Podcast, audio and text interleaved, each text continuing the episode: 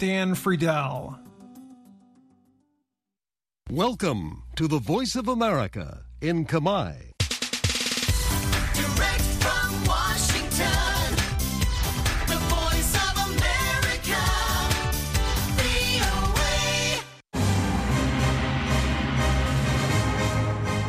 សួស្តីអស់លោកអ្នកស្ដាប់ជាទីមេត្រីនៅក្នុងកម្មវិធីផ្សាយតាមវិទ្យុរបស់ VOA នៅរាត្រីថ្ងៃអាទិត្យ ទី3ខែមិនិនាឆ្នាំ2024ខ្ញុំស្រីលក្ខិណានិងសហការីក្រុមផ្សាយខេមរៈភាសានៃ VOA សូមស្វាគមន៍អស់លោកអ្នកស្ដាប់ពីរដ្ឋធានី Washington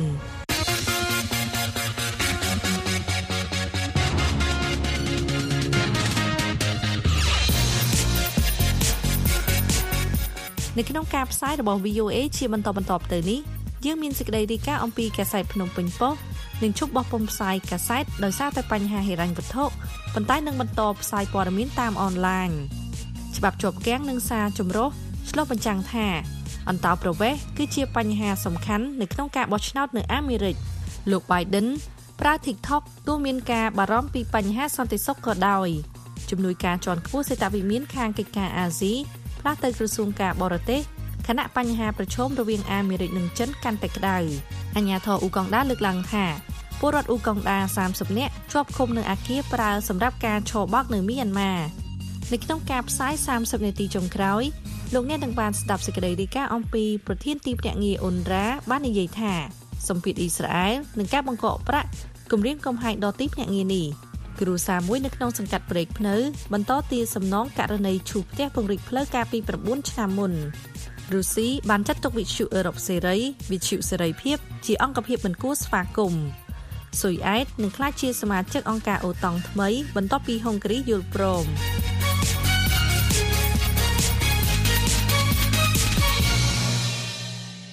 លោកអ្នកនាងកំពុងតែស្ដាប់កម្មវិធីផ្សាយរបស់ VOA ពីរដ្ឋធានី Washington កាសែតភ្នំពេញប៉ុស្តិ៍នៅក្នុងប្រទេសកម្ពុជាបានជប់បោះពុម្ពផ្សាយជាក្រដាស់ទាំងភាសាអង់គ្លេសទាំងភាសាខ្មែរដោយម្ចាស់ភាគហ៊ុនលើកឡើងថាខ្លួនលែងអាចទ្រាំទ្រការខាតតទៅទៀតហើយលោកលូកហាន់រាយការណ៍អំពីរឿងនេះឲ្យ VOA ពីទីក្រុងបាងកកប្រទេសថៃហើយនឹងខ្ញុំស្រីអ្នកខេណាជួនសេចក្តីប្រាយសម្រួលកាសែតភ្នំពេញប៉ុស្តិ៍ដែលបានបោះពុម្ពផ្សាយពីរាជធានីភ្នំពេញអស់រយៈពេលជាង3ទសវត្សរ៍មកហើយបានប្រកាសនៅថ្ងៃទី1ខែមីនាថា ខ្លួននឹងឈប់បោះពុម្ពផ្សាយកាសែតទាំងជាភាសាអង់គ្លេសនិងជាភាសាខ្មែរទៀតហើយនៅត្រឹមចុងខែនេះដោយសារចំណូលនិងចំនួនអ្នកអានធ្លាក់ចុះហើយម្ចាស់ភាពហ៊ុនគ្មានលទ្ធភាពទ្រាំទ្រការខាតបែបនេះតទៅទៀតបាន ការផ្អាកការបោះពុម្ពផ្សាយកាសែតនេះជាការប៉ះពាល់មួយទៀតទៅលើសេរីភាពសារព័ត៌មាននៅកម្ពុជា ដែលបានរងសម្ពាធរួចទៅហើយ តាំងពីការបង្ក្រាបរបស់រដ្ឋាភិបាលទៅលើសម្លេងនយោបាយប្រឆាំងដែលត្រូវបានផ្ដួចផ្ដើមដោយអតីតនាយករដ្ឋមន្ត្រីលោកហ៊ុនសែនកាលពីប្រមាណ8ឆ្នាំមុនគណៈគ្រប់គ្រងក្រុមហ៊ុនកាសែតនេះបានប្រកាសនៅក្នុងសេចក្តីថ្លែងការណ៍មួយចេញផ្សាយកាលពីព្រឹកថ្ងៃទី1ខែមីនាថាម្ចាស់ភាគហ៊ុនរបស់យើងបានព្យាយាមបន្ថែមថវិកាហើយរកចំណូលតាមគ្រប់មធ្យោបាយដើម្បីស្ដារស្ថានភាពហិរញ្ញវត្ថុរបស់ក្រុមហ៊ុន និងបន្តបោះពុម្ពផ្សាយកាសែតវិជាជីវៈនិងឯករាជ្យនេះដែលបានដំណើរការអស់ជាង30ឆ្នាំមកហើយសេចក្តីថ្លែងការណ៍បន្តថាអាស្រ័យហេតុនេះម្ចាស់ភាគហ៊ុនរបស់យើងបានសម្រេចដោយសោកស្ដាយយ៉ាងខ្លាំងឈប់បោះពុម្ពផ្សាយកាសែតនេះតទៅទៀតទាំងភាសាអង់គ្លេសនិងភាសាខ្មែរនៅត្រឹមថ្ងៃទី29ខែមីនាឆ្នាំ2024កាសែតភ្នំពេញប៉ុស្តិ៍ត្រូវបានបង្កើតដោយជនជាតិអាមេរិកាំងលោក Michael Hayes និងអ្នកស្រី Kathleen O'Keefe នៅឆ្នាំ1992 ដោយប្រើប្រាក់ដែលពួកគេបានសន្សំពេញមួយជីវិតចំនួន50,000ដុល្លារពេលដែលកងរក្សាសន្តិភាពអង្គការសហប្រជាជាតិបានមកដល់ប្រទេសកម្ពុជា ហើយប្រទេសនេះកំពុងនៅមានសង្គ្រាមនៅឡើយកាសែតនេះមានគេឈ្មោះល្បីយ៉ាងលឿនដោយសារវិជាជីវៈសារព័ត៌មានឯករាជ្យដែលរាយការណ៍ចំចំឥតលាក់លៀមខណៈរក្សាសមានចិត្តចំពោះប្រជាជនកម្ពុជា និងប្រវត្តិដ៏ជូរចត់របស់ពួកគេកាសែតនេះក៏ជាថ្នាលបណ្ដុះបណ្ដាលអ្នកកាសែតវ័យក្មេង ដើម្បីចាប់យកអាជីពនេះផងដែរពេលកាសែតនេះរំលឹកខួប10ឆ្នាំរបស់ខ្លួនលោក Hayes បាននិយាយថាខ្ញុំចំណាយពេល10ឆ្នាំមកនេះដោយគ្មានប្រាក់ខែដោយព្រួយអំពីរឿងលុយរាល់ថ្ងៃការដែលកាសែតនេះរស់បានគឺជាអាចកំបាំងសុទ្ធសាធចំពោះខ្ញុំលោក Hayes បានលោកកាសែតនេះទៅឲ្យសិទ្ធិក្រុមហ៊ុនរ៉ាយអូស្ត្រាលីលោក Bill Close នៅឆ្នាំ2008ឯករាជ្យភាពកាសែតនៅរក្សាដដែលពេលកាសែតនេះត្រូវបានប្រែចេញពីការផ្សាយពីសប្តាហ៍ម្ដងទៅជាកាសែតប្រចាំថ្ងៃវិញ ប៉ុន្តែពេលការបោះឆ្នោតសកលឆ្នាំ2018ខិតជោគមកដល់កាសែតនេះត្រូវបានតម្រូវឲ្យបង់ពន្ធច្រើនលើសលប់ហួសពីលទ្ធភាពដែលខ្លួនអាចបង់បានហើយក៏ត្រូវលក់ទៅឲ្យអ្នកជំនួញម៉ាឡេស៊ីលោកស៊ីវ៉ាគូម៉ាអេសកាន់ផាទីដែលគេហៅថាលោកស៊ីវ៉ានាយកគ្រប់គ្រងក្រុមហ៊ុន Asia PR ដែលជាក្រុមហ៊ុនផ្នែកទំនាក់ទំនងសាធារណៈម៉ាឡេស៊ីដែលស្និទ្ធនឹងរដ្ឋាភិបាលកាសែតឯករាជ្យមួយទៀតគឺកាសែត The Cambodia Daily ក៏បានបិទការពី8ខែមុនពេលនោះក្រោយពីកាសែតនេះ ក៏ត្រូវបានតម្រូវឲ្យបង់ពន្ធច្រើនហួសប្រមាណដោយសកម្មជនខាងសិទ្ធិមនុស្សនិងសេរីភាពសារព័ត៌មាននិយាយថាកាសែតទាំងពីរត្រូវបានបង្ខំឲ្យបិទដោយសារតែកាសែតទាំងពីរនេះរិះគន់រដ្ឋាភិបាលសេចក្តីថ្លែងការណ៍របស់គណៈគ្រប់គ្រងក្រុមហ៊ុនកាសែតភ្នំពេញប៉ុស្តិ៍កាលពីថ្ងៃទី1ខែមីនាបានរៀបរាប់ថាការវិវត្តយ៉ាងលឿននៃបច្ចេកវិទ្យានិងការចែកចាយព័ត៌មានយ៉ាងទូលំទូលាយនៅតាមប្រព័ន្ធផ្សព្វផ្សាយសង្គមក៏បានបង្កជាការលំបាកខាងហិរញ្ញវត្ថុសម្រាប់ក្រុមហ៊ុនផងដែរ សេចក្តីថ្លែងការណ៍បន្តថាតាំងពីជំងឺរាតត្បាត COVID-19 និងការធ្លាក់ចុះសេដ្ឋកិច្ចជាបន្តបន្ទាប់មកចំណូលរបស់ក្រុមហ៊ុនក៏បានធ្លាក់ចុះយ៉ាងខ្លាំងកាសែតជាភាសាអង់គ្លេសក៏មានចំនួនអ្នកអានជាជនបរទេសធ្លាក់ចុះផងដែរការធ្លាក់ចុះនេះចាប់ផ្ដើមពីការបង្ក្រាបរបស់រដ្ឋាភិបាលទៅលើសម្លេងនយោបាយប្រឆាំងនឹងកាន់តែធ្លាក់លឿនថែមទៀតនៅក្នុងអំឡុងនឹងក្រោយពេលការរាតត្បាតនៃជំងឺ Covid-19 លោក Alan Parkhouse អតីតនិពន្ធនាយកនៃកាសែតនេះបាននិយាយពីគេហដ្ឋានរបស់លោកនៅក្នុងខេត្ត Kamphaeng Phet ប្រទេសថៃថា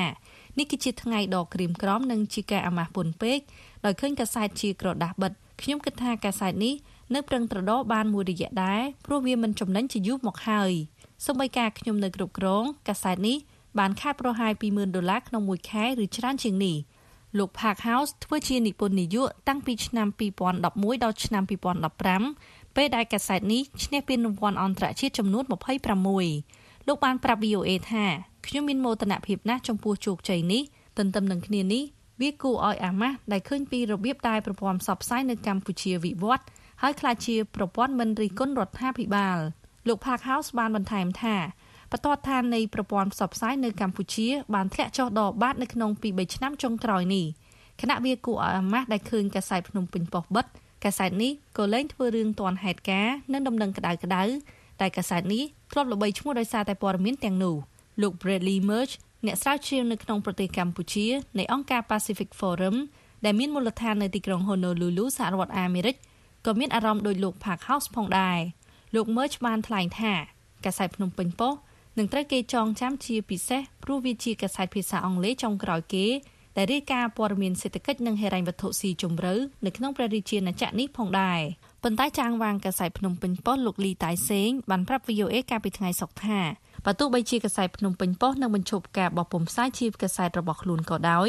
ក៏សារព័ត៌មាននេះនៅតែបន្តដំណើរការលើប្រព័ន្ធអនឡាញជាធម្មតា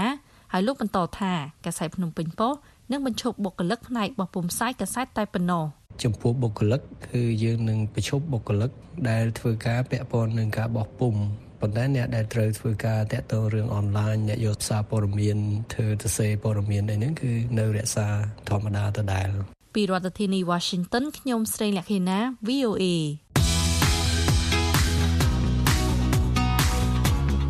លោកអ្នកនាងកំពុងតែស្ដាប់កម្មវិធីផ្សាយរបស់ VOA ពីរដ្ឋធានី Washington ផ្លូវដ៏រស់រវើកនៅអាគារខ្ពស់ៗនៅទីក្រុងញូវយ៉កគឺជាកន្លែងទាក់ទាញមួយដ៏សំខាន់សម្រាប់ជនចំណាក់ស្រុកជុំវិញពិភពលោកយ៉ាងណាក៏ដោយសារដែលមានលក្ខណៈផ្ទុយគ្នាពីមន្ត្រីនានានិងច្បាប់ជាប់គាំងនៅក្នុងសភាសហរដ្ឋអាមេរិកកំពុងបង្កើតឲ្យមានបញ្ហាជំរងចម្រាស់នៅក្នុងពេលបោះឆ្នោតលោក Aaron Brennan រីកាពីសង្កាត់ Manhattan នៃទីក្រុង New York ហើយលោកពិនស៊ីសវណ្ណជួនសេចក្តីប្រែសម្រួល នៅពេលដែលសភាពិភាក្សាសេចក្តីព្រៀងច្បាប់បន្តប្រវេសតឹងរឹងជាងមុនជនចំណាក់ស្រុកជាង170,000នាក់នៅទីក្រុងញូវយ៉កតាំងពីឆ្នាំ2022ទទួលបានសញ្ញាផ្ទុយគ្នាពីអាជ្ញាធរមូលដ្ឋានសាលាក្រុងកាត់បន្ថយការស្នាក់នៅជំរកបណ្ដោះអាសន្ននិងហាមមិនឲ្យយកអ្នកដំណើរមកក្នុងទីក្រុងប៉ុន្តែថ្មីថ្មីនេះការិយាល័យអភិបាលក្រុងបានប្រកាសផ្តល់បានអនុពន្ធ1000ដុល្លារសម្រាប់ទិញម្ហូបនិងបង្កើតការងារថ្មីចំនួន4000សម្រាប់អ្នកទើបមកដល់ លោក Angel Torres គឺជាជនចំណាក់ស្រុកថ្មីដែលមកទីក្រុងញូវយ៉កពីប្រទេសវេណេស៊ុយឡាល្អណាស់ដែលពួកគេជួយយើងច្រើន ជួយជនអន្តោប្រវេសន៍ច្រើន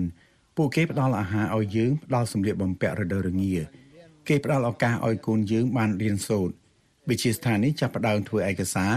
ដើម្បីឲ្យយើងអាចធ្វើការបាន ពួកគេជួយយើងច្រើនណាស់នៅញូវយ៉កអ្នកស្រីអេវលីនដែលជាជនចំណាក់ស្រុកថ្មីមកពីប្រទេសអេក្វាឌ័របានថ្លែងថា មានមនុស្សល្អនៅទីនេះជួយយើងយើងបានជំនួយដែលមិនមែននៅក្នុងប្រទេសយើង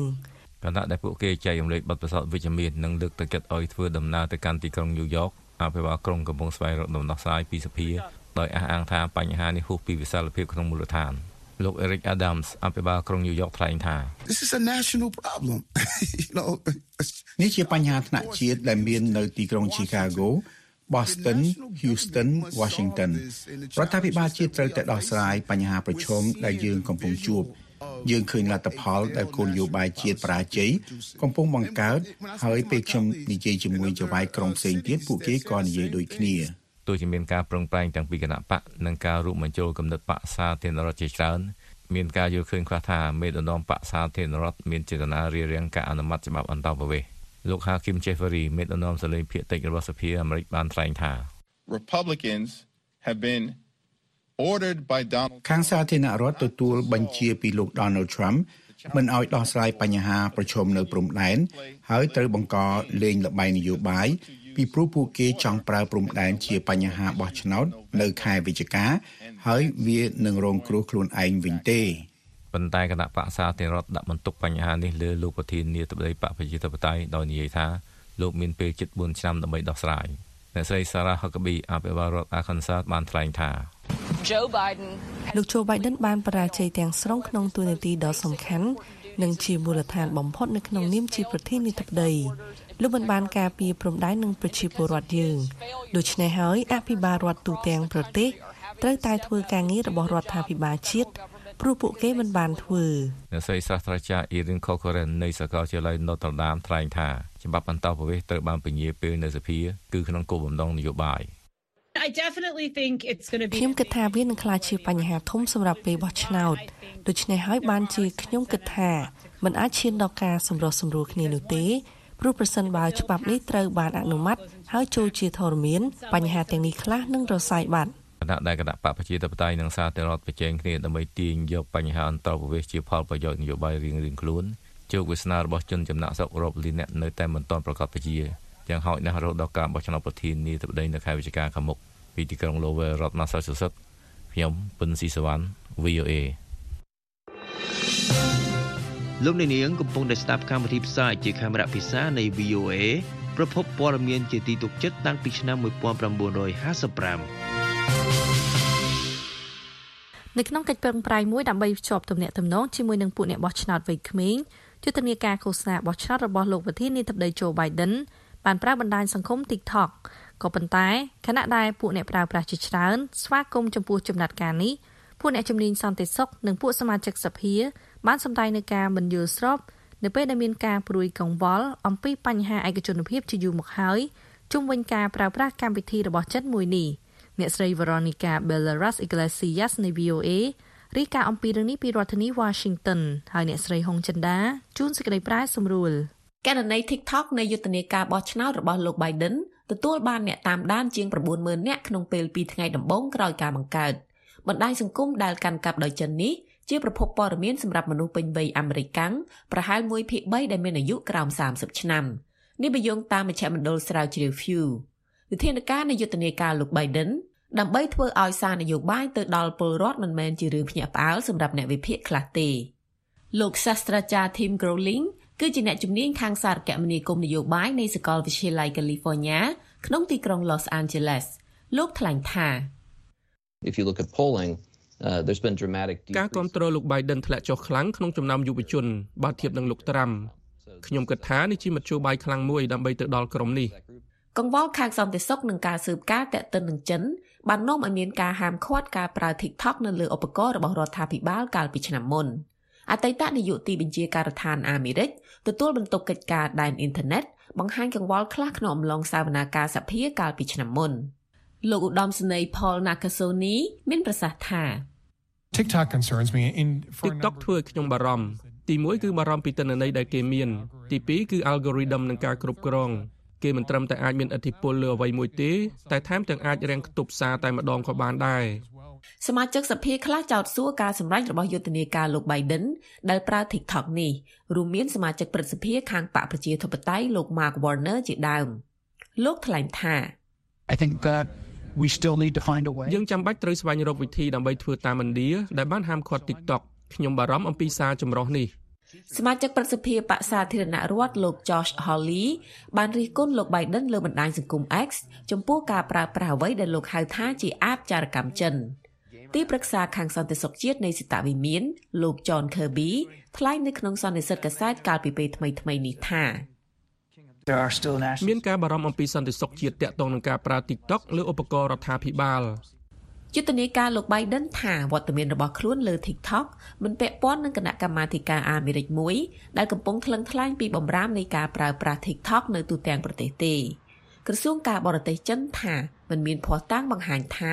មានបញ្ហានេះទេ ហើយបានថ្កោលទោសការរដ្ឋបិទការប្រើអាបនេះអគ្គនាយកក្រុមហ៊ុន TikTok លោក Xu Zhichou ចានចោលការចោទប្រកាន់ថាលោកនិងក្រុមហ៊ុនលោកជាប់ពាក់ព័ន្ធនឹងបកកុម្មុយនីសចិន ហើយបានប្រាប់សភាថាក្រុមហ៊ុនលោកកំពុងធ្វើឲ្យប្រសើរឡើងនៅយន្តការសន្តិសុខលោកថ្លែងថា making sure that we're ធ្វើឲ្យប្រកាសថាយើងនឹងការពារតនន័យអ្នកប្រើអាមេរិកកុំឲ្យគេលួចបានអ្នកប្រើ TikTok មិនបារម្ភទេ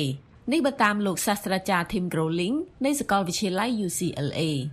I've had a student say this almost verbatim. There are over a billion សិស្សខ្ញុំម្នាក់និយាយថាមានអ្នកប្រើ TikTok ជាង1000លាននាក់ហេតុអ្វីគេត្រូវខ្វល់ខ្វាយពីតនន័យរបស់ខ្ញុំតនន័យអ្វីអំពីខ្ញុំដែលមានហានិភ័យ ចម្លើយគឺថាពិតជាមានហានិភ័យ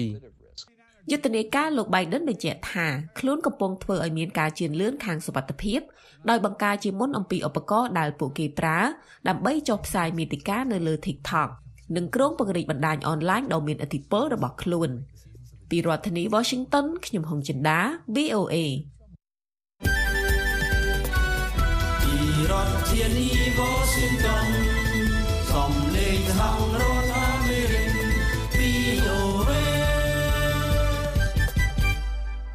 ក្រុមអ្នកវិភាគបាននិយាយថារដ្ឋបាលលោក Biden ឥឡូវនេះកំពុងផ្ដោតទៅលើការអនុវត្តគោលដៅរបស់ខ្លួនសម្រាប់ Indo-Pacific នៅពេលអ្នករៀបចំយុទ្ធសាស្ត្រសេតវិមានដែលបានផ្ដួចផ្ដើមគោលនយោបាយសម្រាប់តំបន់នេះផ្លាស់ទៅក្រសួងការបរទេសអ្នកស្រី Christy Lee រាយការណ៍អំពីរឿងនេះពីរដ្ឋធានី Washington ហើយលោកជើងពូជីនជួនសេចក្តីប្រាយសម្រួល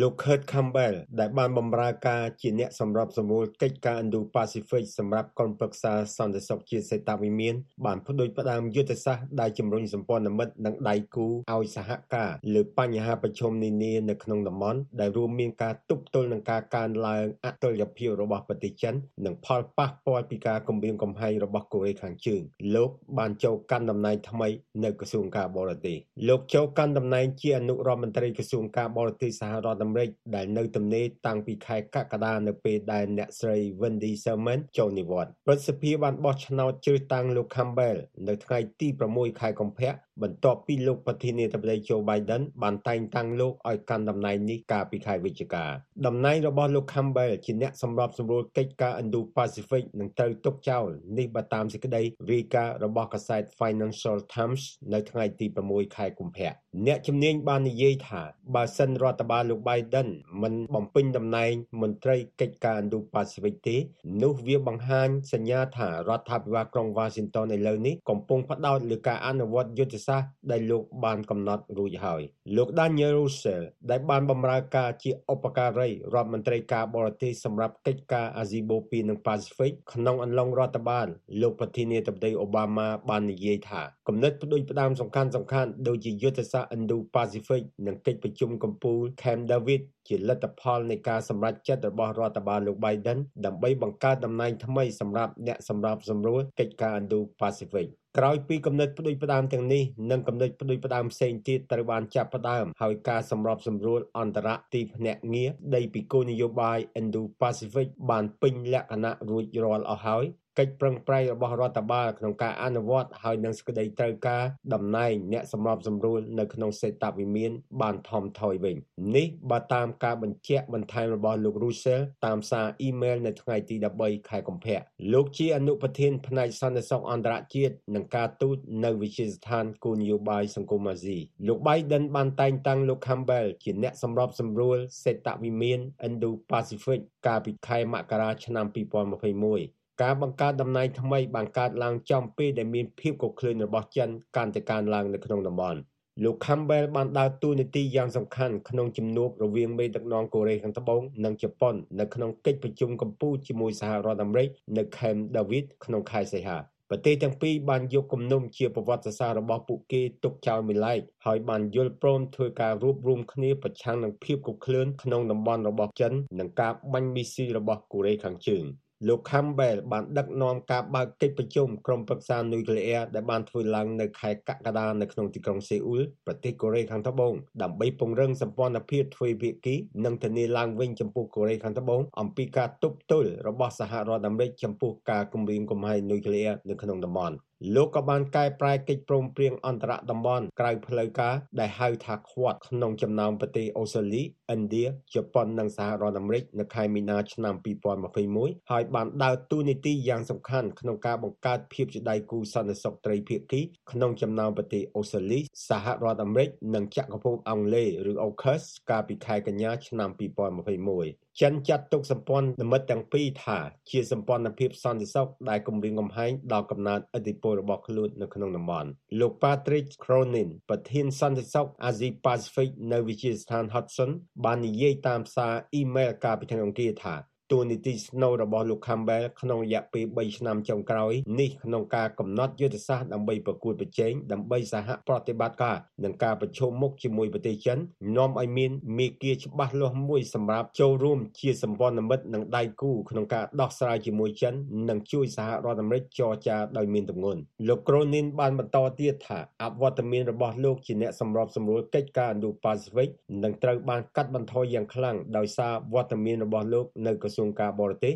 និងក្រុមឆ្នើមដែលលោកបានបន្សល់ទុកនៅសេតាវិមានដើម្បីជួយអនុវត្តចក្ខុវិស័យដែលលោកបានជួយបង្កើតឡើងនោះ។ ប៉ុន្តែក្តីបារម្ភនៅតែមានចំពោះមុខតំណែងទំនេរសម្រាប់តំបន់ដែលពោពេញទៅដោយការគំរាមកំហែងដែលកាន់តែកើនឡើងពីកូរ៉េខាងជើងនិងទង្វើគៀបសង្កត់ដោយប្រទេសចិននេះបើយោងតាមអ្នកវិភាគមួយចំនួនលោក Dennis Wider នាយកជាន់ខ្ពស់សម្រាប់អាស៊ីបូព៌ានៅក្រុមប្រឹក្សាសន្តិសុខជាតិនៃសេតាវិមានក្នុងអំឡុងរដ្ឋបាលលោក George W Bush បាននិយាយតាមរយៈអ៊ីមែលថារដ្ឋបាលលោក Biden គួរតែពិចារណាឡើងវិញនៃការសម្រេចចិត្តរបស់ខ្លួនដើម្បីមិនទុកតំណែងនេះនៅពេលមានភាពមិនច្បាស់លាស់ច្រើនអំពីចេតនារបស់កូរ៉េខាងជើងនិងចិន ប្រព័ន្ធផ្សព្វផ្សាយរបស់រដ្ឋកូរ៉េខាងជើង KCNA បាននិយាយកាលពីថ្ងៃទី15ខែកុម្ភៈថាប្រទេសនេះបានសាកល្បងកំជួចថ្មីបាញ់ពីដីទៅសមុទ្រក្រោមការគ្រប់គ្រងរបស់មេដឹកនាំគីមជុងអ៊ុនកាលពីមួយថ្ងៃមុននេះជាការសាកល្បងកំជួច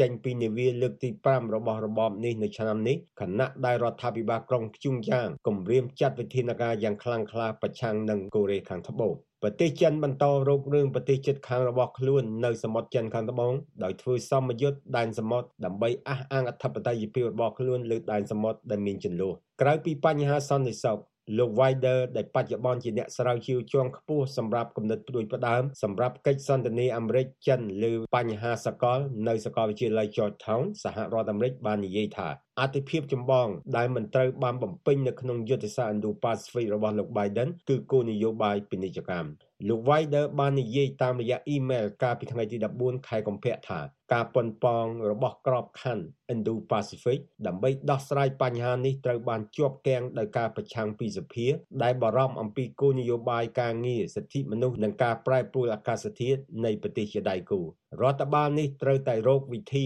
ដើម្បីធ្វើឲ្យមានតុល្យភាពនៃសម្ព័ន្ធភាពសន្តិសុខដ៏រឹងមាំនិងភាពជាដៃគូជាមួយនឹងសំណុំនៃគោលនយោបាយសេដ្ឋកិច្ចក្នុងតំបន់ប្រកបដោយប្រសិទ្ធភាពផងដែរក្របខ័ណ្ឌ Indo-Pacific មានសសរស្តម្ភ4ពាណិជ្ជកម្មខ្សែសង្វាក់ផ្គត់ផ្គង់ធម្មពលស្អាតការកាត់បន្ថយឧស្ម័នកាបូនិកនិងហេដ្ឋារចនាសម្ព័ន្ធនិងពន្ធដារនិងការប្រឆាំងអំពើពុករលួយ។ លោក Biden បានបើកដំណើរការក្របខ័ណ្ឌ Indo-Pacific នៅក្នុងទីក្រុងតូក្យូក្នុងខែឧសភាឆ្នាំ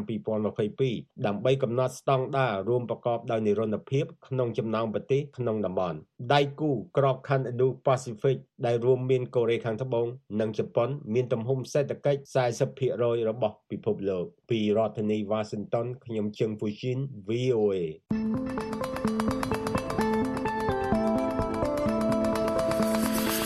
អ្នកនាងកំពុងតែស្ដាប់កម្មវិធីផ្សាយរបស់ VOA ពីរដ្ឋធានី Washington ឥអញ្ញាធរអ៊ូកុងដាបាននិយាយថាពលរដ្ឋអ៊ូកុងដាប្រហែល30នាក់កំពុងជាប់ឃុំនៅមីយ៉ាន់ម៉ាជាទីដែលពួកគេបានបង្ខំឲ្យធ្វើការជាជនឆបោកតាមប្រព័ន្ធអ៊ីនធឺណិតអញ្ញាធរបានបន្តថាពលរដ្ឋទាំងនោះត្រូវបានបញ្ចុះបញ្ចូលដោយក្រុមជួញដូរមនុស្សដែលសន្យាផ្ដល់ការងារហើយឥឡូវនេះកំពុងត្រូវក្រុមជនអន្តពាល ដែលដឹកនាំប្រតិបត្តិការឆបោកចាប់ឃុំអ្នកស្រី Halima Athutmani ជួនសេចក្តីរាយការណ៍នេះពីទីក្រុងកំប៉ាឡាប្រទេសអ៊ូកុងដាបន្ទាប់ពីអ្នកស្រីបានសម្ភាសពលរដ្ឋអ៊ូកុងដាដែលជាជនរងគ្រោះមួយរូបដែលអាចវិលត្រឡប់មកស្រុកកំណើតវិញបានអ្នកស្រី Limoriwan ជួនសេចក្តីប្រែសម្រួលដូចតទៅលោក Francis Mugisha ដែលជាអ្នកជំនាញផ្នែកព័ត៌មានវិទ្យាម្នាក់បានវិលត្រឡប់មកកាន់អ៊ូកុងដាវិញបន្ទាប់ពីឆ្លងកាត់បទពិសោធន៍ដ៏អាក្រក់នៅអាស៊ី លោកនិយាយថារឿងដ៏អាក្រក់នេះបានកើតឡើង បន្ទាប់ពីលោកសម្រេចទៅធ្វើការជាអ្នកគ្រប់គ្រងទិន្នន័យនិងអ្នកជំនាញផ្នែកព័ត៌មានវិទ្យានៅប្រទេសឡាវមិនយូរប៉ុន្មានក្រោយពីបានទៅដល់លោកមូហ្គីសានិយាយថាប្រធានរបស់លោកនៅក្រុមហ៊ុនបច្ចេកវិទ្យាចិនមួយបានប្រាប់លោកថាលោកបានជំពាក់ប្រាក់ពួកគេចំនួន2225ដុល្លារអាមេរិកបន្ទាប់ពីនោះមក ការងាររបស់លោកបានផ្លាស់ប្ដូរភ្លាមភ្លាមលោកមូគីសាថ្លែងថា I never expected someone to come and tell me I've bought you your ខ្ញុំមិនរំពឹងថាមានគេមកប្រាប់ខ្ញុំថាខ្ញុំគឺជាទេសកលរបស់គេនោះទេខ្ញុំត្រូវធ្វើការឲ្យគេនោះទេលោកមូគីសាលើកឡើងថាពួកគេបានរក្សាទុកលិខិតឆ្លងដែននិងទូរស័ព្ទរបស់លោកហើយបានលក់លោកបន្តឲ្យទៅក្រុមហ៊ុនមួយទៀតមានមូលដ្ឋាននៅមីយ៉ាន់ម៉ាដោយបានបញ្ជូនលោកតាមទូកតាមទន្លេមេគង្គជាជាងធ្វើការផ្នែកគ្រប់គ្រងទិន្នន័យ លោកត្រូវបានបង្ខំឲ្យធ្វើការឆបោកតាមប្រព័ន្ធអនឡាញនិងធ្វើការជាច្រើនម៉ោងក្រោមលក្ខខណ្ឌដ៏លំបាកលោកមូគីសាថ្លែងថា If you don't get a person that's like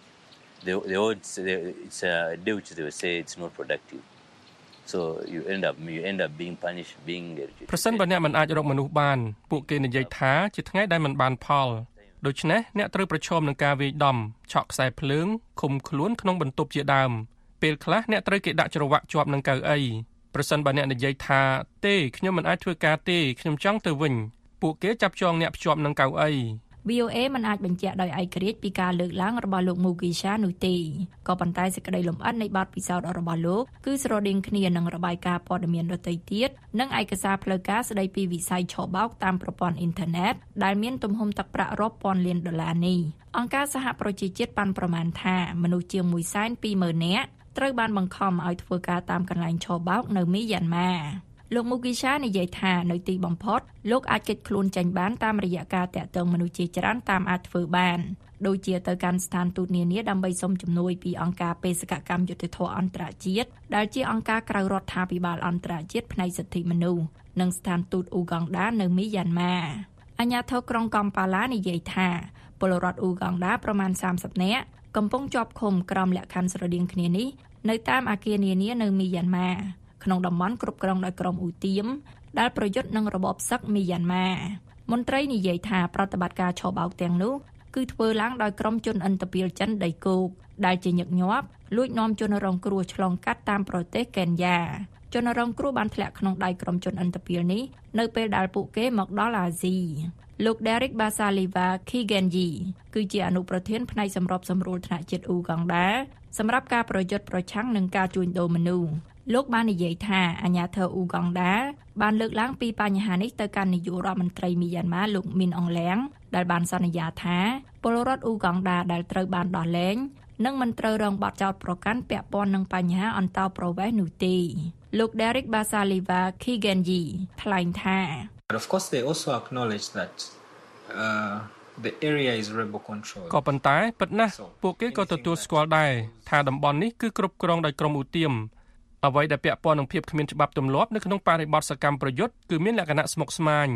អ្នកនាំពាក្យយោធាមីយ៉ាន់ម៉ាមិនបានឆ្លើយតបនឹងសំណើសុំការអធិប្បាយរបស់ VOA នោះទេ អ្នកស្រីមីណាឆាំងគឺជាស្ថាបនិកអង្គការក្រៅរដ្ឋាភិបាល Humanity Research Consultants ដែលប្រយុទ្ធប្រឆាំងនឹងការជួញដូរមនុស្សអ្នកស្រីនិយាយថាក្រុមជនអន្តពាលចាត់គោលដៅលើអ្នកដែលចេះនិយាយភាសាអង់គ្លេសនិងភាសាដទៃទៀតដែលគេអាចប្រើឲ្យឆបោកមនុស្សនៅក្រៅប្រទេសចិនអ្នកស្រីមីណាឆាំងថ្លែងថា East Africans do speak good English so that means it's easier ជនពីអាហ្វ្រិកខាងកើតនិយាយភាសាអង់គ្លេសបានល្អ ដូច្នេះមានន័យថាវាកាន់តែងាយស្រួលដើម្បីធ្វើការឆបោកដោយពួកគេអាចចាត់គោលដៅលើជនជាតិដទៃទៀតច្រើនជាងជនជាតិចិនអាចធ្វើបានដូចគ្នានេះដែរពេលខ្លះពួកអក្រិតជនចង់ប្រើជនរងគ្រោះឲ្យនិយាយតាមវីដេអូដើម្បីឆបោកជនរងគ្រោះដទៃទៀតដូច្នេះគេត្រូវការមនុស្សដែលចេះនិយាយភាសាអង់គ្លេសពិតប្រាកដត្រូវទេប្រសិនបើគេដាក់ជនជាតិចិនដែលមិនចេះនិយាយភាសាអង់គ្លេសនោះវាពិបាកក្នុងការធ្វើការងារដូចនេះអ្នកស្រីឆាំងលើកឡើងថាសកម្មភាពឧក្រិដ្ឋកម្មនេះ ត្រូវបានការពារតាមរយៈអំពើពុករលួយជាប្រព័ន្ធនៅមីយ៉ាន់ម៉ាទាំងនៅក្នុងតំបន់គ្រប់គ្រងដោយរបបសឹកនិងតំបន់គ្រប់គ្រងដោយក្រុមអ៊ូទៀមជាទីដែលក្រុមជនមានអំណាចនិងរដ្ឋបាលដឹកនាំផ្ដល់ជំរកដល់ក្រុមជនអន្តពាលមានមូលដ្ឋាននៅចិនដីគោកពីរដ្ឋធានី Washington ខ្ញុំលីម៉ូរីវ៉ាន់ VOA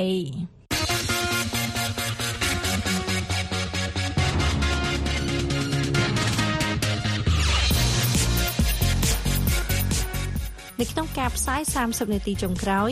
លោកអ្នកនឹងបានស្ដាប់សេចក្តីរាយការណ៍អំពីប្រធានទីភ្នាក់ងារអ៊ុនរ៉ាបាននិយាយថាសម្ពាធអ៊ីស្រាអែលនឹងការបង្កកប្រាក់គម្រាមកំហែងដល់ទីភ្នាក់ងារនេះគ្រួសារមួយនៅក្នុងសង្កាត់ព្រែកភ្នៅបន្តទារសំណងករណីឈូសផ្ទះពង្រីកផ្លូវកាលពី9ឆ្នាំមុនរុស្ស៊ីបានចាត់ទុកវិទ្យុអឺរ៉ុបសេរីវិទ្យុសេរីភាពជាអង្គភាពមិនគួរស្វាគមន៍ស៊ុយអែតនឹងក្លាយជាសមាជិកអង្គការអូតង់ថ្មីបន្ទាប់ពីហុងគ្រីយល់ព្រម តទៅទៀតនេះសូមលោកអ្នកនាងស្ដាប់សេចក្តីរាយការណ៍ទាំងនេះដូចតទៅ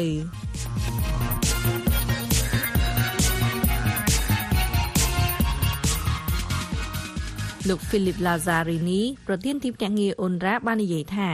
ដោយគ្មានការផ្ដល់ប្រកាសជាថ្មីបប្រតិបត្តិការរបស់ទីភ្នាក់ងារលោកនៅទូទាំងតំបន់មជ្ឈិមបូព៌ានឹងមានការខូចខាតធ្ងន់ធ្ងរចាប់តាំងពីខែមីនាតទៅអ្នកស្រី Margaret Bashir រាយការណ៍អំពីរឿងនេះពីអង្គការសហប្រជាជាតិ ហើយលោកឈឹមសុមេតជួនសេចក្តីប្រែសម្រួល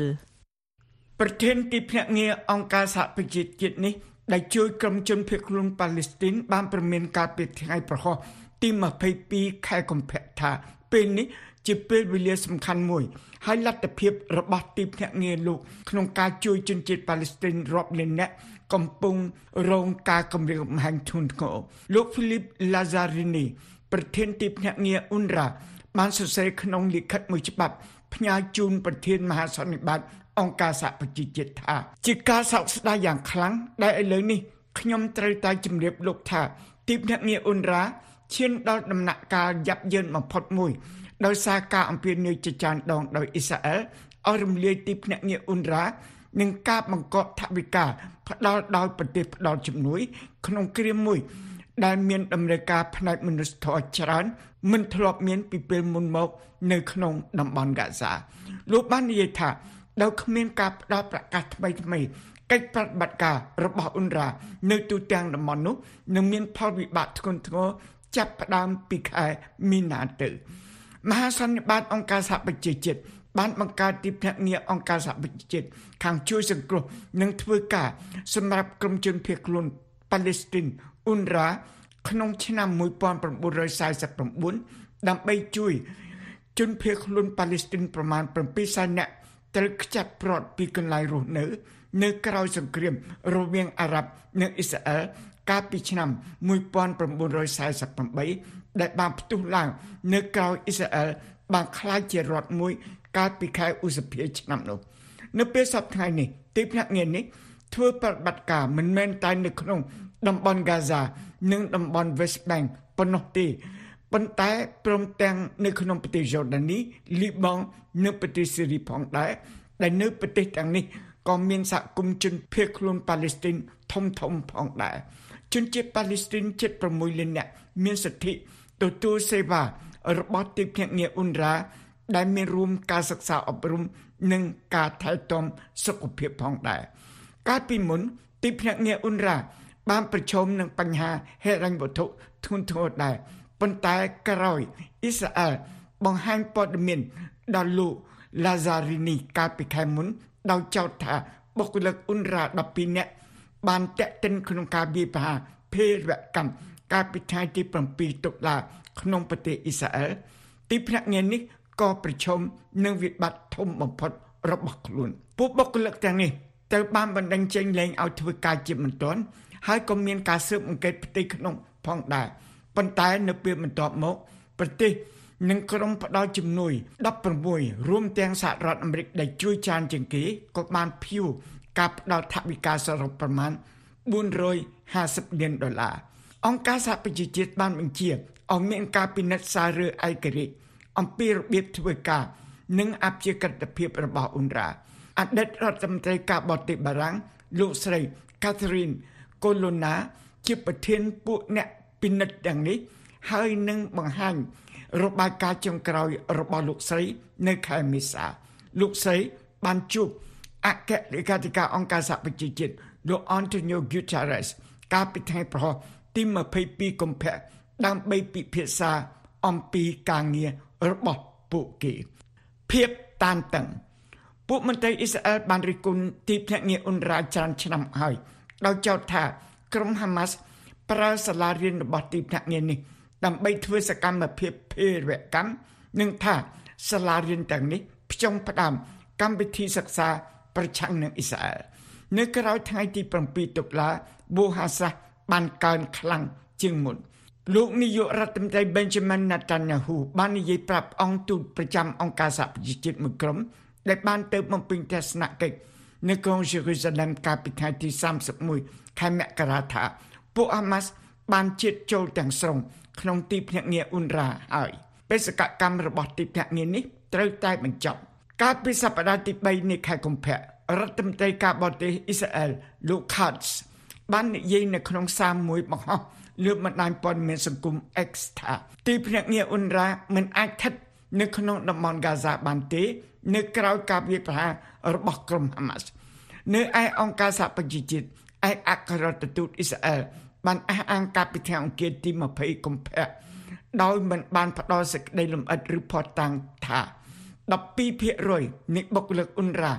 13000នាក់នៅហ្គាហ្សា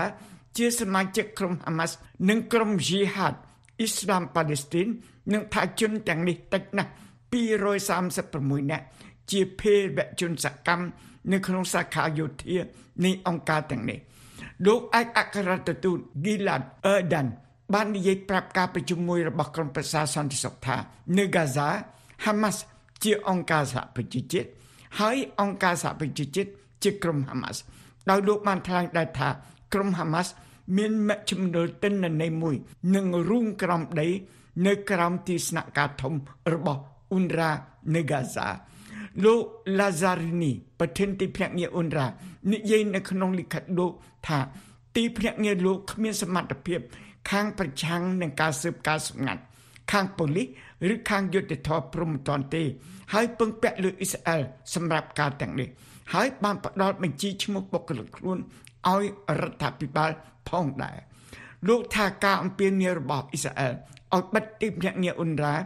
មិនមែនដោយសារអព្យាក្រឹតភាព របស់ទីភ្នាក់ងារនេះទេ តែគឺជារឿងនយោបាយលោក Lazarini បានថ្លែងថាការអំពាវនាវទាំងនេះ គឺអំពីការផ្លាស់ប្ដូរបរិយាកាសនយោបាយយូរយារមកហើយសម្រាប់ឲ្យមានសន្តិភាព ក្នុងដែនដីប៉ាឡេស្ទីនត្រូវកាន់កាប់និងបានកំណត់ដោយមហាសន្និបាត និងក្រុមប្រឹក្សាសន្តិសុខអង្គការសហប្រជាជាតិការអំពាវនាវទាំងនេះស្វាស្វែងបំបត្តិមុខនីតិរបស់ទីភ្នាក់ងារអ៊ុនរ៉ា ក្នុងការការពារសិទ្ធិជនភៀសខ្លួនប៉ាឡេស្ទីននិងជាអ្នកឃើញដោយផ្ទាល់នៅទុក្ខវេទនារបស់ជនទាំងនេះដែលមានតទៅទៀតជនជាតិប៉ាឡេស្ទីនចង់រក្សាទុកសិទ្ធិនៃការវិលត្រឡប់ទៅវិញរបស់ពួកគេ ជាបញ្ហាឋានៈចុងក្រោយមួយ សម្រាប់ធ្វើការចរចាជាមួយអ៊ីស្រាអែលអំពីដំណោះស្រាយរដ្ឋពីរប្រសិនបើទីភ្នាក់ងារជនភៀសខ្លួនត្រូវរំលាយអ្នកខ្លះបារម្ភថាវាអាច នាំឲ្យមានផលប៉ះពាល់ខាងនយោបាយ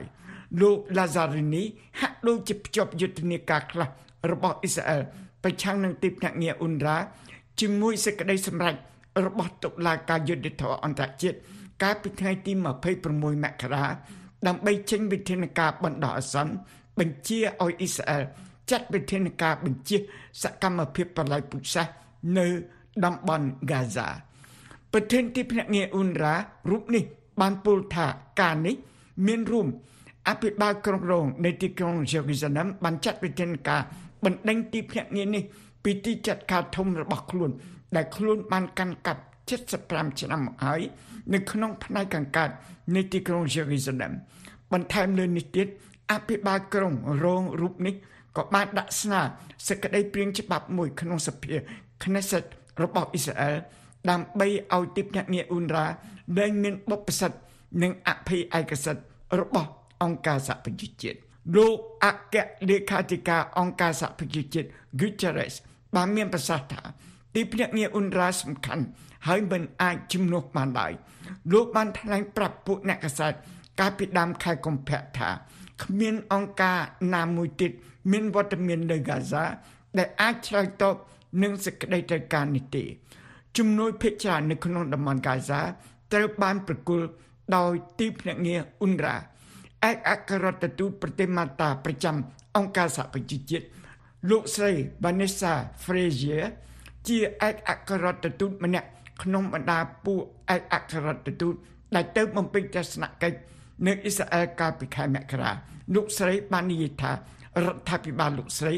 នឹងមិនឈប់ ផ្ដល់ប្រកាសឲ្យទីភ្នាក់ងារអ៊ុនរ៉ាទេពី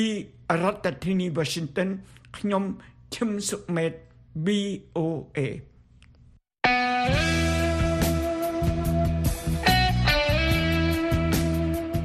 សួស្តីអស់លោកអ្នកនាងជាទីមេត្រីលោកអ្នកអាចតាមដានព័ត៌មានទាន់ហេតុការណ៍នឹងថ្មីថ្មីពី VOA តាមរយៈបណ្ដាញសង្គម X ដែលពីមុនហៅ Twitter VOA នាំមកជូនលោកអ្នកនៅព័ត៌មានសំខាន់សំខាន់ដែលទុកចិត្តបាន អំពីប្រទេសកម្ពុជា និងអំពីប្រទេសផ្សេងៗក្នុងពិភពលោកសូមលោកអ្នកចូលទៅកាន់អាសយដ្ឋាន x.com/voa ខ្មែររួចចុចពាក្យ follow សូមអរគុណអ្នកស្រីស៊ូស្រីនាងជាពលរដ្ឋម្នាក់នៅក្នុងចំណោមពលរដ្ឋជាច្រើនគ្រួសារនៅក្នុងសង្កាត់ព្រែកភ្នៅខណ្ឌព្រែកភ្នៅ ដែលត្រូវបានអាជ្ញាធរយកគ្រឿងចាក់មកឈូសផ្ទះនៅក្នុងគម្រោងអភិវឌ្ឍរបស់រដ្ឋាភិបាលដើម្បីពង្រីកផ្លូវជាតិលេខ5កាលពីឆ្នាំ2015នៅក្នុងរយៈពេល9ឆ្នាំមកនេះមានតែគ្រួសារអ្នកស្រីប៉ុណ្ណោះដែលនៅបន្តតវ៉ាដើម្បីទទួលបានសំណងសមរម្យនិងយុត្តិធម៌ក្រោយអ្នកស្រីបានបដិសេធមិនទទួលយកសំណងដែលយល់ថាមានចំនួនតិចតួចពេកលោកសឹមចាំសំណាងរីកាឲ្យ VOA ពីរាជធានីភ្នំពេញដូចតទៅ គ្រួសារមួយស្ថិតក្នុងសង្កាត់ព្រែកភ្នៅរាជធានីភ្នំពេញបន្តទៀមទាសំណងក្រោយអាជ្ញាធរចម្រុះយកគ្រឿងយន្តមកឈូសឆាយផ្ទះនិងដីក្នុងគម្រោងអភិវឌ្ឍពង្រីកផ្លូវជាតិលេខ5កាលពី9ឆ្នាំមុនអ្នកស្រីស៊ូស្រីនាងពលរដ្ឋរស់នៅក្នុងសង្កាត់ព្រែកភ្នៅដែលបន្តទៀមទាសំណងប្រាប់ VOA កាលពីថ្ងៃទី28ខែកុម្ភៈឆ្នាំ2024នេះថាកាលពីឆ្នាំ2015ផ្ទះរបស់ប្រជាពលរដ្ឋរាប់រយគ្រួសារស្ថិតក្នុងខណ្ឌព្រែកភ្នៅត្រូវបានឈូសឆាយប៉ុន្តែពួកគេបានចាក់ចែងក្រោយទទួលបានសំណង អ្នកស្រីបន្ថែមថានាពេលនោះអាជ្ញាធរនិងក្រសួងសេដ្ឋកិច្ចបានហៅអ្នកស្រីទៅចរចាទទួលសំណងក្នុងទឹកប្រាក់8000ដុល្លារប៉ុន្តែអ្នកស្រីថាចំនួនទឹកប្រាក់នោះមិនស្មើនឹងការបាត់បង់ទ្រព្យសម្បត្តិនិងផ្ទះសម្បែងរបស់អ្នកស្រីដែលអាចប្រកបរបររកស៊ីដោយសុខស្រួលនោះទេអ្នកស្រីស៊ូស្រីនាងបន្ថែមថានៅមុនពេលអាជ្ញាធរបានឈូសឆាយដីនឹងផ្ទះអ្នកស្រីប្រកបរបរលក់ដូរគ្រឿងឫស្សីនិងឈើមួយចំនួនដែលអាចរកចំណូលសម្រាប់ដល់ជីវភាពនិងចិញ្ចឹមកូនកូនរបស់អ្នកស្រីរស់នៅបានសុខស្រួល ប៉ុន្តែអ្នកស្រីថាផ្ទះដែលធ្លាប់មានបណ្ដោយ16ម៉ែត្រទទឹងជាង5ម៉ែត្រនិងមានសម្ភារៈពេញផ្ទះពេលនេះនៅសល់តែទទឹង3ម៉ែត្រនិងជម្រៅជាង2ម៉ែត្រប៉ុណ្ណោះអ្នកស្រីបន្ថែមដោយអះអាងថាអ្នកស្រីមានដីផ្ទះចំនួន2ខ្នងដែលមួយខ្នងជារបស់អ្នកស្រីនិងមួយខ្នងទៀតជារបស់កូនស្រីរបស់អ្នកស្រីហើយថាការរុះរើនោះអាជ្ញាធរជាច្រើនអ្នកបានដាក់កម្លាំងនិងគ្រឿងចាក់ឈូសឆាយផ្ទះរបស់អ្នកស្រីដែលមិនបានទុកសម្ភារៈនិងរបស់របរផ្សេងៗទៀតឲ្យអ្នកស្រីឡើយ។និ យាយពីថាដឹកជញ្ជូនដឹកជញ្ជូនយកហ្មងយកទ្រព្យសម្បត្តិខ្ញុំហ្មងសួរថាទ្រព្យសម្បត្តិខ្ញុំនឹងខុសអីខ្ញុំខុសអីបានយកទ្រព្យសម្បត្តិខ្ញុំនេះខ្ញុំខុសក្បត់ជាតិអីបានយកទ្រព្យសម្បត្តិខ្ញុំនេះខ្ញុំឆ្ងល់តែប៉ុណ្្នឹងឯងប៉ះពាល់ផ្លូវថ្នល់យកយកផ្ទះខ្ញុំយកដីខ្ញុំយកផ្ទះខ្ញុំធ្វើផ្លូវសាធារណៈតែត្រឹមហ្នឹងទេចុះហេតុអីមករស់ដល់ផ្ទះខ្ញុំនេះរស់ដល់ផ្ទះខ្ញុំដឹកដឹកយកទ្រព្យសម្បត្តិខ្ញុំឈើព្រៃខ្ញុំអស់រលីងនេះ តើទ្រព្យសម្បត្តិខ្ញុំនឹងខុសអីខ្ញុំធ្វើអីខុសបានយកទ្រព្យសម្បត្តិខ្ញុំអ្នកស្រីស្នើដល់ថ្នាក់ដឹកនាំគ្រប់លំដាប់ថ្នាក់ជាពិសេសពីលោកនាយករដ្ឋមន្ត្រីហ៊ុនម៉ាណែតឲ្យស្វែងរកដំណោះស្រាយនិងផ្ដល់សំណងទៅតាមការបាត់បង់ទ្រព្យសម្បត្តិរបស់អ្នកស្រីនេះពេលនោះឥឡូវសួរថាខ្ញុំចង់បានលុយអត់យកដីទេតើលោកមានដំណោះស្រាយឲ្យខ្ញុំប៉ុន្មានគេសួរថាទាប្រមាណបើបើសួរខ្ញុំថាទាប្រមាណតម្លៃដែលខ្ញុំទាពីមុនខ្ញុំទាជាង100,000 ចា170000ប្រហែលហ្នឹងចាខ្ញុំទាប៉ុណ្ណឹងពួកខ្ញុំសរុបតាំងពីអីវ៉ាន់ខ្ញុំតាំងពីផ្ទះខ្ញុំតាំងពីខ្ញុំខាត់ពេលវេលារស់ស៊ីអ្វីគ្រប់យ៉ាងទាំងអស់ហើយខ្ញុំទា170,000ជាងហ្នឹងក៏មិនមិនទាន់រួចតម្លៃផ្ទះខ្ញុំដែរចៅសង្កាត់ព្រៃភ្នៅលោកពេជ្រស៊ីនួនប្រាប់ VOA ថាករណីវិវាទដីធ្លីរបស់អ្នកស្រីស៊ូស្រីនាងនិងកូនស្រីរបស់អ្នកស្រីត្រូវបានអាជ្ញាធរព្យាយាមដោះស្រាយជាច្រើនលើកមកហើយប៉ុន្តែអ្នកស្រីមិនព្រមទទួលសំណងពីអាជ្ញាធរ លោកបន្ថែមថាអ្នកស្រីស៊ូស្រីនាងបានទាមទារសំណងច្រើនពេកដែលអាជ្ញាធរមិនអាចផ្ដល់ឲ្យបានបើតាមលោកចៅសង្កាត់ព្រែកភ្នៅប្រជាពលរដ្ឋនៅក្នុងសង្កាត់ព្រែកភ្នៅជិត90គ្រួសារបានទទួលរងផលប៉ះពាល់ពីគម្រោងអភិវឌ្ឍពង្រីកផ្លូវជាតិលេខ5នោះ បាទហ្នឹងយើងរួមខាងដំណោះស្រាយយើងអាជ្ញាធរក៏ដោះស្រាយជ្រើសលើកចំពោះគាត់ហ្នឹងគាត់ពីគួរសារទាំងកូនគាត់ហ្នឹងពីប្រកាសទៅខណ្ឌខណ្ឌទៅរាជធានីធ្វើការសមរព្រោះដោះស្រាយជូនគាត់ហ្នឹងគាត់អត់ទទួលយកគាត់ជួនជាសំណងវាខុសទេឬជាជាច្រើនលោកពេជ្រស៊ីនួនបន្ថែមថាក្រសួងដែលមានសមត្ថកិច្ចពាក់ព័ន្ធរួមមានក្រសួងសាធារណការនិងដឹកជញ្ជូនក៏ព្យាយាមសម្របសម្រួលដំណោះស្រាយលើករណីមួយនេះផងដែរ ប៉ុន្តែអ្នកស្រីស៊ូស្រីនាងនៅតែមិនព្រមទទួលសំណងនោះ VOA បានតាក់ទងទៅលោកផនរឹមអ្នកនាំពាក្យក្រសួងសាធារណការនិងដឹកជញ្ជូនប៉ុន្តែលោកប្រាប់ឲ្យទៅសួរក្រសួងសេដ្ឋកិច្ចនិងហិរញ្ញវត្ថុចំណែកអ្នកនាំពាក្យក្រសួងសេដ្ឋកិច្ចលោកមាសសុកសេងសាមិនឆ្លើយតបនឹងសំណួររបស់ VOA ដែលឲ្យតាក់ទងទៅសាលារាជធានីភ្នំពេញលោកកើតឆាយអភិបាលរងរាជធានីភ្នំពេញថាលោកមិនមានឯកសារនៅក្នុងដៃនោះទេព្រោះរឿងនេះបានកន្លងទៅ9ឆ្នាំមកហើយ លោកសៀងមួយឡៃប្រធានកម្មវិធីសិទ្ធិរស់នៅក្នុងទីក្រុងនៃអង្គការសមាគមធៀងថ្នោតប្រាប់ VOA ថាបញ្ហាដីធ្លីរបស់អ្នកស្រីស៊ូស្រីនាងបានអូសបន្លាយជាង9ឆ្នាំមកហើយដោយអាជ្ញាធរមិនព្រមស្វែងរកដំណោះស្រាយសមស្របណាមួយជូនអ្នកស្រីនិងកូនរបស់អ្នកស្រីឡើយលោកបន្តថានៅពេលដែលអ្នកស្រីបានមករកជំនួយពីអង្គការសមាគមធៀងថ្នោតអ្នកស្រីហាក់មានបញ្ហាផ្លូវចិត្តដោយសារតែបាត់បង់ផ្ទះសម្បែងនិងដីធ្លី ខ្ញុំគិតថារឿងហ្នឹងវាអត់គួរណាអបបន្លាយទេព្រោះមានសតតែពីគ្រួសារទេសម្រាប់តែករណីហ្នឹងខ្ញុំគិតថាគួរណាតែផ្ដល់ចំណងឲ្យបានសមរម្យដើម្បីឲ្យគាត់ហ្នឹងរស់នៅស្ងប់ចិត្តព្រោះព្រោះហ្នឹងវាអបបន្លាយរាប់ឆ្នាំហើយជិត10ឆ្នាំហើយសម្រាប់ករណីគាត់ហើយមែនទេគាត់មិនមែនគិតទៅជួបករណីហ្នឹងម្ដងឯមុនហ្នឹងក៏គាត់ធ្លាប់បានបាត់បង់ដីដោយសារការពង្រីកផ្លូវហ្នឹងដែរហើយ អានេះខ្ញុំគិតថាយើងអត់គួរបំភ្លេចគាត់ចោលបើទោះបីជាមានតាមគ្រួសារឬពីរគ្រួសារក៏ដោយបើតាមលោកសៀងមួយឡៃអាញាធមមិនគួរធ្វើជាមិនខ្វល់ខ្វាយនិងមិនអើពើចំពោះករណីរបស់អ្នកស្រីស៊ូសេរីនាងឡើយលោកជំរុញឲ្យអាញាធរពាក់ព័ន្ធគួរស្វែងរកដំណោះស្រាយឲ្យសមរម្យជូនអ្នកស្រីស៊ូសេរីនាងដែលអូសបន្លាយជាង9ឆ្នាំមកហើយនោះហើយសម្រាប់ខ្ញុំសម្រាប់ករណីនាងខ្ញុំគិតថាគាត់ចាត់ទុកគាត់ថាជាផ្នែកមួយនៃនិមិត្តរូបនៃការតស៊ូ មួយថាគាត់នៅពេលដែលគាត់មិនព្រមឬគាត់មិនសុខចិត្តនៅក្នុងការទទួលយកសំណងដែលផ្ដល់ឲ្យដោយទទួលទៅគេនឹងគាត់សុខចិត្តអត់យកហើយគាត់សុខចិត្តទស្សនៅក្នុងផ្ទះមួយទំហំ2ម៉ែត្រគុណ2ម៉ែត្រហ្នឹងរស់នៅវេទនារាប់ឆ្នាំខ្ញុំគិតថាគួរតែគាត់ចង់បានយុត្តិធម៌សម្រាប់ខ្លួនឯងរីកាប្រជាធានីភ្នំពេញខ្ញុំសំច័ន្ទសំណាង VOA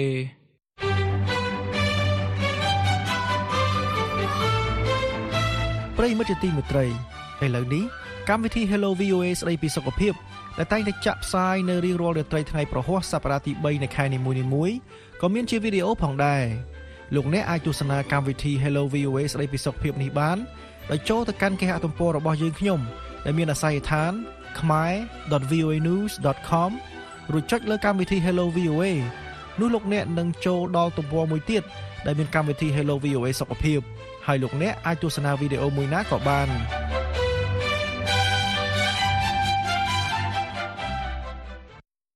រុស្ស៊ីបានអនុម័តច្បាប់អង្គភាពមិនគូស្វាគមន៍នៅក្នុងឆ្នាំ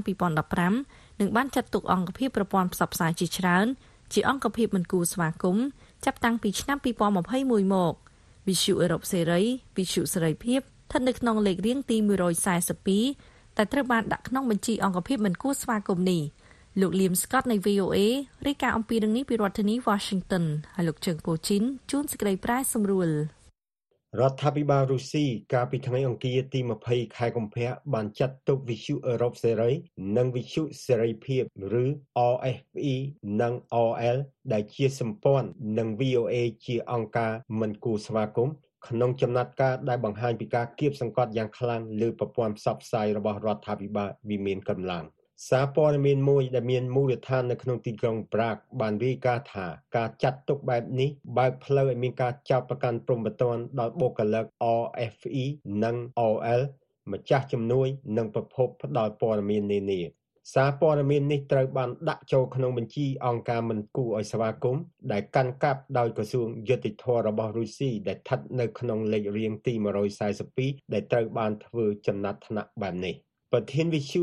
RFE និង RL លោក Stephen Kappers ថ្លែងថា ការធ្វើចំណាត់ថ្នាក់នេះគ្រាន់តែជាឧទាហរណ៍ថ្មីថ្មីបង្អស់ដែលបង្ហាញពីវិធីរដ្ឋាភិបាលរុស្ស៊ីចាត់ទុកការរាយការណ៍ការពិតថាជាការគំរាមកំហែងខ្លាំងក្លាមួយលោក Kappers បានបញ្ជាក់នៅក្នុងសេចក្តីថ្លែងការណ៍មួយថាពលរដ្ឋរុស្ស៊ីរាប់លាននាក់បានពឹងផ្អែកលើពួកយើងអស់ជាច្រើនទសវត្សរ៍មកហើយ ដោយមានទស្សនិកជនយ៉ាងច្រើនដែលមិនធ្លាប់មានក្នុងកំណត់ត្រាក្នុងរយៈពេលប៉ុន្មានថ្ងៃកន្លងមកនេះចាប់តាំងពីការស្លាប់របស់លោក Alexei Navalny ហើយការប៉ុនប៉ងរារាំងពួកយើងនឹងធ្វើឲ្យវិទ្យុ RFE និង OL ខិតខំកាន់តែខ្លាំងក្នុងការនាំយកព័ត៌មានឯករាជ្យនិងសេរីមកឲ្យប្រជាពលរដ្ឋរុស្ស៊ី ស្ថានទូតរុស្ស៊ីនៅរដ្ឋធានី Washington មិនបានឆ្លើយតបភ្លាមៗចំពោះសារអ៊ីមែល VOA ដែលស្នើសុំការអត្ថាធិប្បាយនោះទេច្បាប់អង្គការមិនគួរឲ្យស្វាគមន៍របស់រុស្ស៊ីត្រូវបានអនុម័តនៅឆ្នាំ2015អង្គភាពប្រព័ន្ធផ្សព្វផ្សាយជាច្រើនត្រូវបានចាត់ទុកថាមិនគួរឲ្យស្វាគមន៍ចាប់តាំងពីឆ្នាំ2021មកនេះបើយោងតាមគណៈកម្មាធិការការពារអ្នកកាសែតក្នុងចំណោមពួកអ្នកសារព័ត៌មាន Meduza សារព័ត៌មាន Novaya Gazeta Europe និងសារព័ត៌មាន Bellingcat រដ្ឋាភិបាលក្រុងមូស្គូបានកំណត់គោលដៅលើវិទ្យុ RFE និង OL អស់រយៈពេលជាច្រើនឆ្នាំមកហើយនៅឆ្នាំ2017អាញាធររុស្ស៊ីបានចាត់ទុកសារព័ត៌មាននេះជាភ្នាក់ងារបរទេស ចាប់តាំងពីពេលនេះមកវិទ្យុ RFE និង OL បានបដិសេធមិនបង់ប្រាក់ពិន័យជាច្រើនដែលសរុបមានជាង14លានដុល្លារចំពោះការមិនគោរពច្បាប់នោះ ច្បាប់ភ្នាក់ងារបរទេសចូលជាធរមាននៅឆ្នាំ2012ហើយចាប់តាំងពីពេលនោះមកច្បាប់នោះត្រូវបានប្រើប្រាស់ដើម្បីកំណត់ក្រុម និងបុគ្គលដែលរិះគន់រដ្ឋាភិបាលវិមានកម្លាំងរុស្ស៊ីក៏បានប្រកាសថា VOA ជាភ្នាក់ងារបរទេសដែរបុគ្គលិកវិទ្យុ RFE និង OL ជាង30នាក់ក៏ត្រូវបានដាក់ក្នុងបញ្ជីជាភ្នាក់ងារបរទេសផងដែរ អ្នកយកព័ត៌មានរបស់ Visu RFE និង OL អ្នកស្រី Alsu Kumasiva បានត្រូវជាប់ពន្ធនាគារក្នុងប្រទេសរុស្ស៊ីចាប់តាំងពីខែតុលាឆ្នាំ2023ក្រោមបទចោទប្រកាន់ថាមិនបានចុះបញ្ជីជាភ្នាក់ងារបរទេសអ្នកស្រី Kumasiva ដែលមានសញ្ជាតិពីរគឺអាមេរិកកាំងនិងរុស្ស៊ីរូបនេះបានធ្វើដំណើរទៅប្រទេសរុស្ស៊ី កាលពីខែឧសភាឆ្នាំ2023ដោយសារមានបញ្ហាគ្រួសារមិនទាន់នៅពេលអ្នកស្រីព្យាយាមចាក់ចេញពីប្រទេសក្នុងខែមិថុនាលិខិតឆ្លងដែនរបស់អ្នកស្រីត្រូវបានរឹបអូសយកអ្នកស្រីត្រូវបានឃុំខ្លួនខណៈពេលរងចាំយកលិខិតឆ្លងដែនវិញក្រៅពីបទចោទថាជាភ្នាក់ងារបរទេសអ្នកស្រីគូម៉ាស៊ីវ៉ាក៏កំពុងប្រឈមនឹងការចោទប្រកាន់ពីការផ្សព្វផ្សាយព័ត៌មានមិនពិតអំពីកងទ័ពរុស្ស៊ីផងដែរ បើសិនបើត្រូវបានកាត់ទោសអ្នកស្រីប្រឈមនឹងការផ្ដន្ទាទោសជាប់ពន្ធនាគាររហូតដល់15ឆ្នាំអ្នកស្រីគូម៉ាស៊ីវ៉ានិងនាយកជក់របស់អ្នកស្រីបានបដិសេធការចោទប្រកាន់លើអ្នកស្រី ពីរដ្ឋធានី Washington ខ្ញុំជឹងពូជីន VOA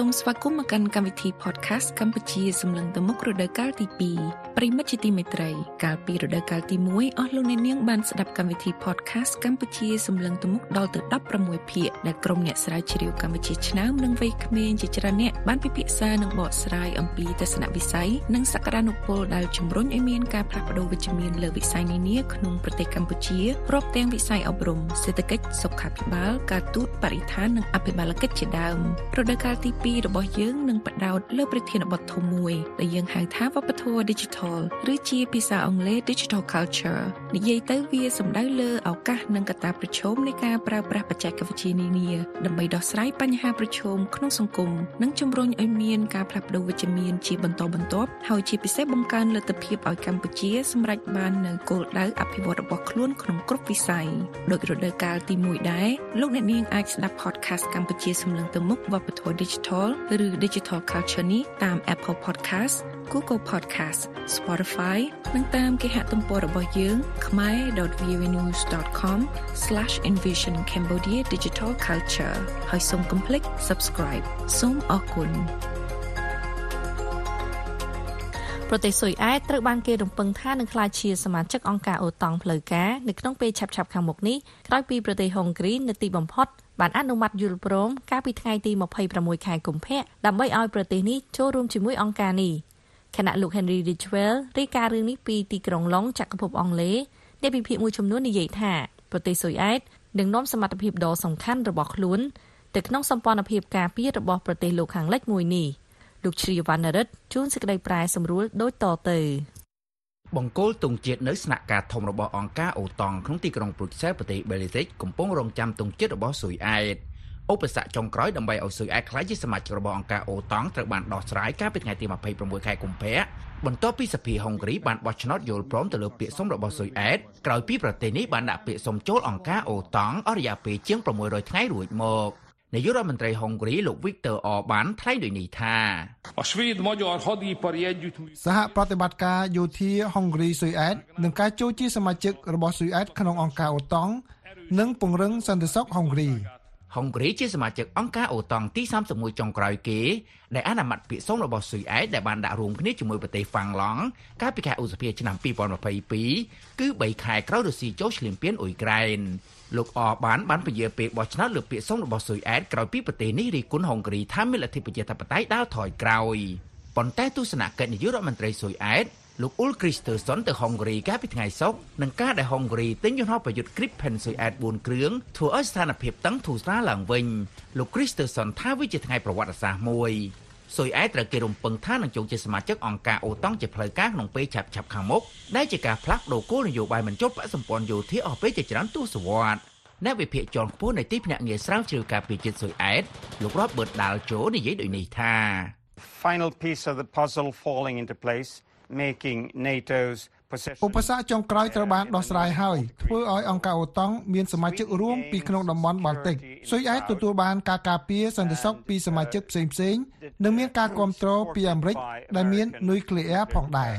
ស៊ុយអែតក៏នឹងនាំសមត្ថភាពយោធាដ៏មានតម្លៃដល់សម្ព័ន្ធភាពផងដែរលោក Robert Dalcho បន្ថែមទៀតថា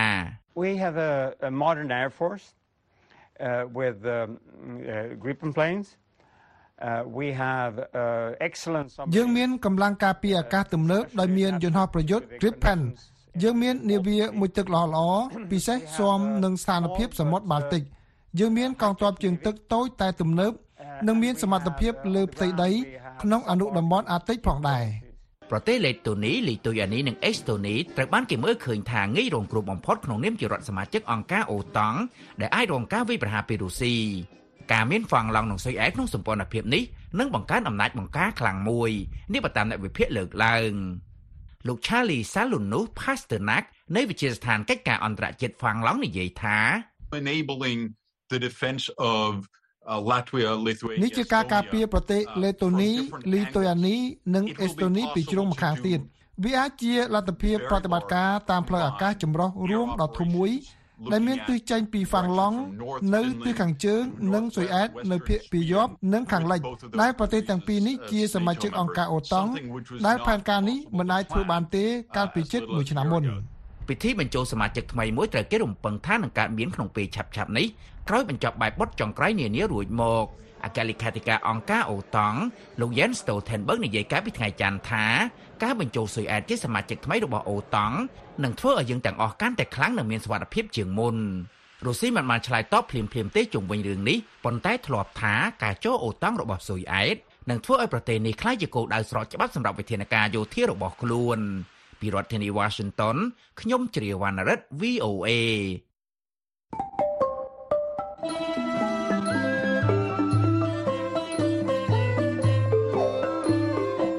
វិធីផ្សាយរបស់ VOA នៅរាត្រីនេះចប់តែប៉ុណ្ណេះប៉ុន្តែលោកអ្នកនាងនៅអាចស្ដាប់ឬអានព័ត៌មានរបស់ VOA ឡើងវិញបាន តាមរយៈគេហទំព័រ khmae.voanews.com សូមលោកអ្នកនាងរងចាំស្ដាប់សេចក្តីរាយការណ៍ព័ត៌មានជាតិនិងអន្តរជាតិរបស់ VOA នៅក្នុងការផ្សាយបន្តផ្ទាល់របស់យើងនៅព្រឹកស្អែកទៀតពីម៉ោង5ដល់ម៉ោង5:30នាទីតាមរលកវិទ្យុ31និង49ម៉ែត្រត្រូវនឹងកម្រិត9320 5915 និង1575 kHz សំឡេងអ្នកនាងប្រកបដោយសុភមង្គលគ្រប់ប្រការរាត្រីសួស្តី